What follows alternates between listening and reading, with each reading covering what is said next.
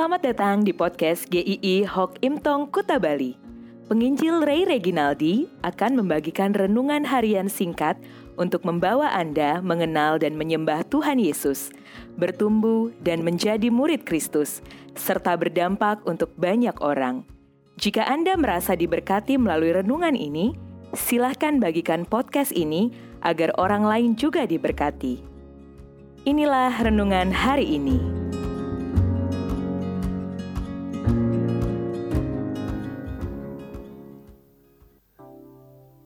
Dari kebingungan menjadi kepercayaan. Saudara-saudara, di dalam masa-masa sulit sering ada orang bertanya, "Di mana Tuhan? Kalau Tuhan mengasihi saya, kenapa Dia tidak tolong saya?"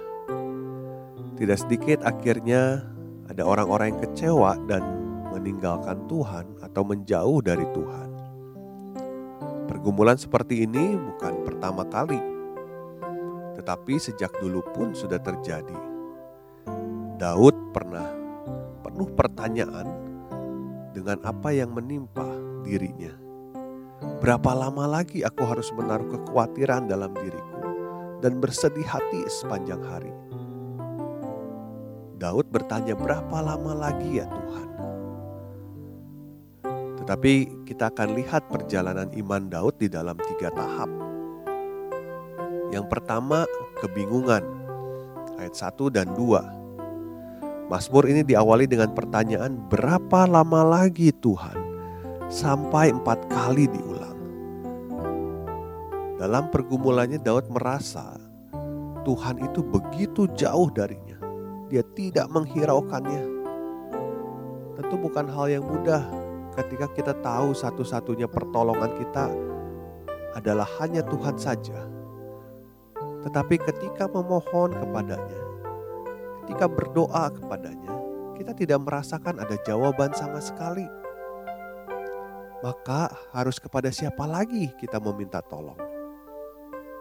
Daud seperti hidup dalam ketidakpastian. Karena dia seperti bingung dengan caranya Tuhan. Kita mungkin pernah atau sedang mengalami seperti ini. Berapa lama lagi Tuhan pergumulan ini? Berapa lama lagi aku harus menderita seperti ini? Namun ada yang harus ditanyakan kembali kepada kita. Apakah benar Tuhan melupakan anak-anaknya? Apakah Tuhan tidak mau menolong anaknya? Apakah Tuhan mau kita hidup dalam ketakutan terus-menerus?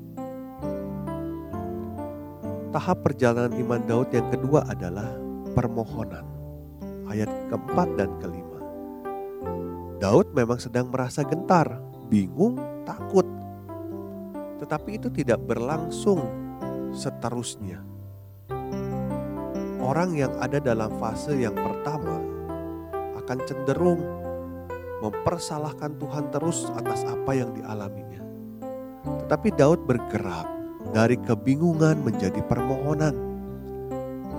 Artinya Daud percaya bahwa Tuhan pasti tahu dia sedang bergumul. Tuhan tidak jauh. Tuhan mendengar permohonannya.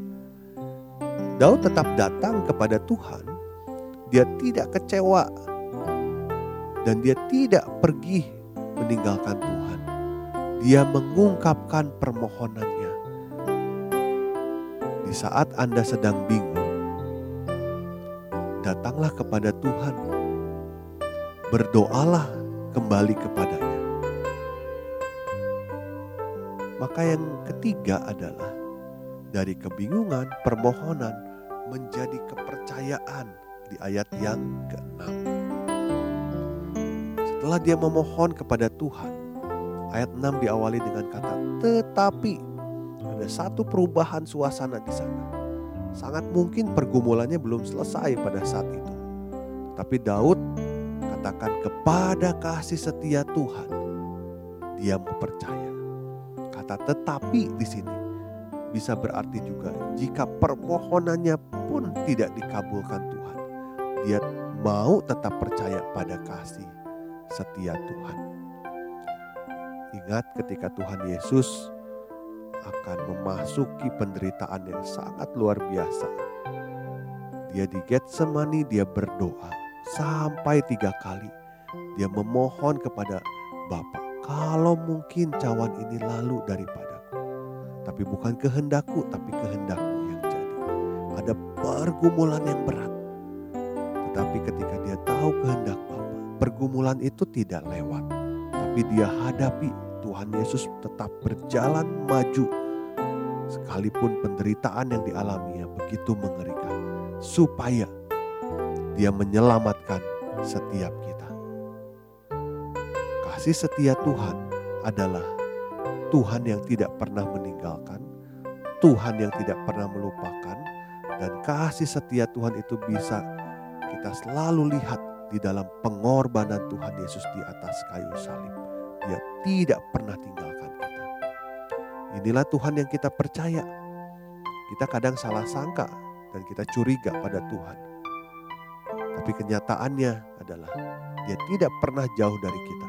Dia tidak pernah melupakan kita. Akhirnya Daud berkomitmen untuk tetap memuji Tuhan karena dia baik. Hari ini mungkin pergumulan kita berat. Kita belum melihat seperti ada jalan keluar. Tetapi percayalah kepada Tuhan. Ada kekuatan, ada penyertaan Tuhan. Dan kita bisa memuji Tuhan akan semua kasih setianya dan kebaikannya. Kiranya Tuhan memberkati kita sekalian.